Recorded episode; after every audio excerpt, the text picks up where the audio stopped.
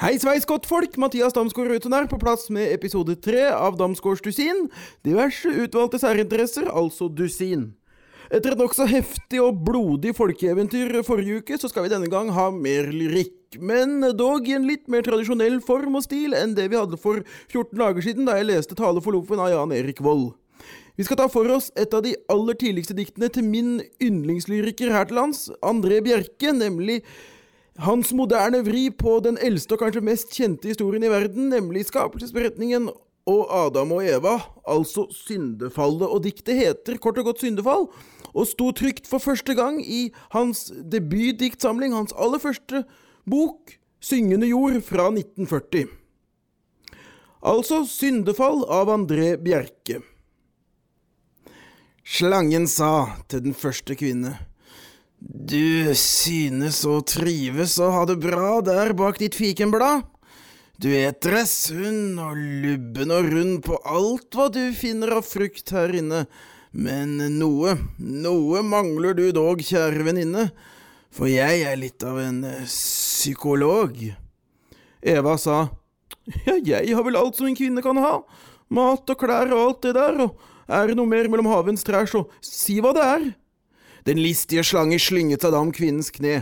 Den pekte på kunnskapens brennende tre og sa Se, kvinne, du er ifra skaperens hånd ennå en ånd. Eplet på treet er brusende rødt, et og bli kjøtt.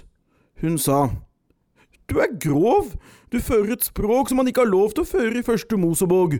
Jeg må jo begjære den skinnende frukta, så jeg ville ha brutt den, men Gud har forbudt den med trussel om tukt, og da får det være. Jeg blir her i freden og spiser en pære med Adam isteden.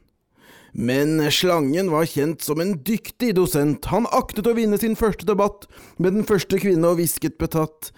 Vel er det smykt å drikke uskyldige veksters vin, men husk at bare forbuden frukt har C-vitamin. Kunnskapens tre er livets fornyer. Den saft går deg hett gjennom blod og hode, og se, du blir lett som den fallende sne og de drivende skyer. Eva, bli kvinne og kropp og sjel, klyv opp og stjel mens tiden er inne. Og Eva ble underlig myk i kne, blodet sang, og plutselig sto hun ved kunnskapens tre og tittet på skrå opp mot eplet som hang i det blendende blå. Hun tenkte som så ah, Skitt, la gå. Bare en bit, og Eva var ild. Adam kom hit, og Adam kom til, og Adam gjør som hans Eva vil. Men da er det han kommer den straffende ånd, med flammer og trommer og domsbasuner og sverd og sånn, og Herren kremter sin gane tørr og spør Hva har dere gjort? Men Eva vender sitt åsyn bort og skapningens herre blir rød som en laks og sukker tungt og tenker Den gamle er gammeldags på dette punkt. Har dere spist av kunnskapens tre? Ja visst har vi det. Altså, jeg var jo ikke klok, men hun fristet meg jo. Nei, den er god. Du ville jo ha. Ja, men det var deg som sa ta. Jo, men det var du som tok. Herren sa med formaning og tukt, vi kan ikke drive alminnelig bespisning på kunnskapsfrukt. Ifølge lovens paragraf tre straffes det med paradisforvisning. Og Herren ga, og Herren tok, og hermed ender det første poemet i den første bok. De jagdes fra eden i evighet, og således oppsto, som alle vet, livets problem. Og dette var myten om syndefallets farer, fritt etter Moses med små kommentarer og dette har hendt mangfoldige ganger med kvinner og guder og menn og slanger.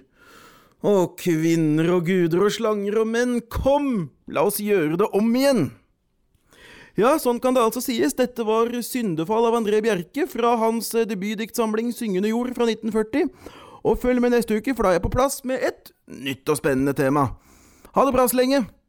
Hei.